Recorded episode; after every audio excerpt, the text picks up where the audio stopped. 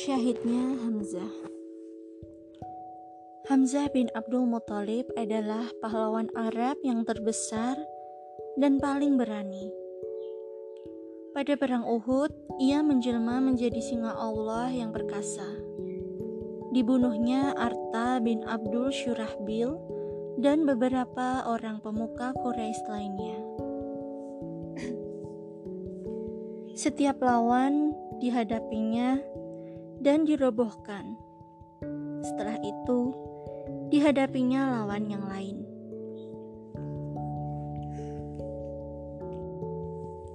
Namun, Hamzah syahid pada peristiwa Uhud itu. Hamzah telah dibunuh oleh Wahsy, budak berkulit hitam dari Habasyah Wahsy membunuh Hamzah hanya karena ingin dimerdekakan dari perbudakan. Wahsy dijanjikan bebas oleh Hindun. Pada saat Hamzah bin Abdul Muthalib melawan musuh, Wahsy telah mengincarnya dengan tombak yang siap dilesatkan ke tubuh Hamzah. Wahsy bercerita beberapa tahun setelah ia memeluk Islam. Ia menceritakan peristiwa Uhud dengan air mata duka dan penyesalan. Setelah dijanjikan hadiah dan kebebasan, aku berangkat bersama pasukan Quraisy. Aku adalah orang Habasyah yang jika sudah melemparkan tombak dengan cara Habasyah, jarang sekali meleset. Ketika terjadi pertempuran, ku cari Hamzah dan ku incar dia. Kemudian, kulihat dia di tengah-tengah orang banyak itu seperti seekor unta kelabu sedang membat-bati orang dengan pedangnya. Lalu tombaknya aku ayun-ayunkan. Dan sesudah pasti sekali, baru kulimparkan. Tombak itu tepat mengenai bagian bawah perut Hamzah dan keluar di antara kedua kakinya. Kubiarkan tombak itu sampai dia mati. Sesudah itu, ku hampiri dia dan ku ambil tombakku itu. Lalu aku kembali ke markas dan berdiam di sana. Sebab sudah tidak ada lagi tugas selain itu. Ku bunuh dia hanya supaya aku dimerdekakan saja dari perbudakan. Sesudah pulang ke Mekah, aku memang dibebaskan.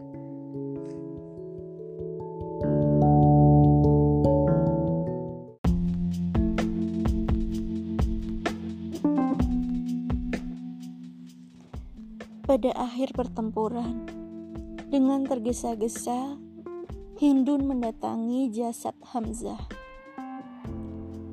Wanita itu kemudian mengambil jantung Hamzah dan memakannya begitu saja sambil menari-nari.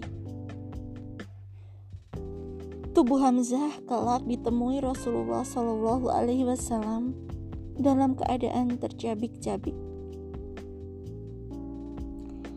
Kaum muslimin bertempur dengan gagah, tapi tidak semuanya mendapat surga. Contohnya adalah Khusman. Dia adalah seorang munafik. Tadinya dia tidak berangkat perang, tetapi para wanita menghinanya. Kusman, tidak malu engkau, seperti perempuan saja semua orang berangkat perang, sedang engkau berdiam diri di dalam rumah. Dengan berang, Kusman pun mengambil panah dan pedang. Lalu ia pergi bertempur. Ia bertempur dengan gagah dan berhasil membunuh banyak sekali lawan. Menjelang senja, setelah membunuh paling sedikitnya tujuh orang musuh, ia pun membunuh dirinya. Kusman, beruntung engkau mati syahid, ujar Abul Qaidak melihat Kusman sekarat. Tidak, jawab Kusman sebelum mati. Saya bertempur bukan demi Islam, tetapi sekedar menjaga kehormatan kami dan untuk menjaga nama baik keluarga kami. Kalau tidak karena itu, saya tidak akan berperang. Abu Hurairah melaporkan bahwa Rasulullah pernah bersabda, "Orang yang syahid tidak merasakan sakit sedikit pun ketika terbunuh."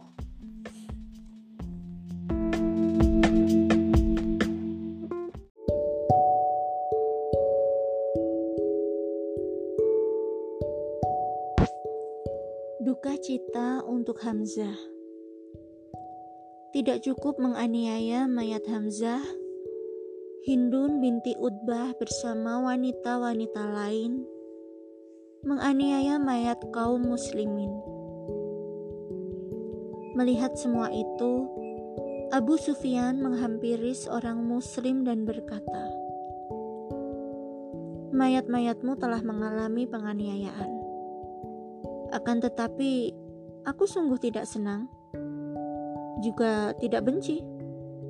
Aku tidak melarang, juga tidak memerintahkan. Selesai menguburkan mayat-mayatnya sendiri, Quraisy pun pergi. Sekarang kaum muslimin kembali ke garis depan untuk mensolatkan dan menguburkan mayat-mayat para syuhada. Rasulullah Shallallahu Alaihi Wasallam berkeliling medan tempur mencari jasad pamannya Hamzah. Ketika dilihatnya jasad Hamzah sudah dianiaya dengan perut yang sudah terburai, beliau merasa sedih. Sedih sekali. Sampai beliau berkata, Takkan pernah ada orang mengalami malapetaka seperti ini. Belum pernah aku menyaksikan suatu peristiwa yang begitu menimbulkan amarahku seperti kejadian ini. Selanjutnya, beliau bersabda, "Demi Allah, kalau pada suatu ketika Allah memberikan kemenangan kepada kami melawan mereka, akan kuaniaya mereka dengan cara yang belum pernah dilakukan oleh orang Arab. Saat itulah turun firman Allah. Dan kalau kamu mengadakan pembalasan, balaslah seperti yang mereka lakukan terhadap kamu tetapi, kalau kamu tabah hati, itulah yang paling baik bagi mereka yang berhati sabar. Dan hendaklah kamu tabahkan hatimu, dan ketabahan hatimu itu hanyalah dengan berpegang kepada Allah. Jangan pula engkau bersedih hati terhadap mereka. Jangan pula engkau bersesak dada menghadapi apa yang mereka rencanakan itu. Quran Surat An-Nahl ayat 126 sampai ayat 127. Setelah firman itu turun, Rasulullah Shallallahu Alaihi Wasallam memaafkan pihak musuh. Ditabahkannya hatinya dan beliau melarang orang melakukan penganiayaan.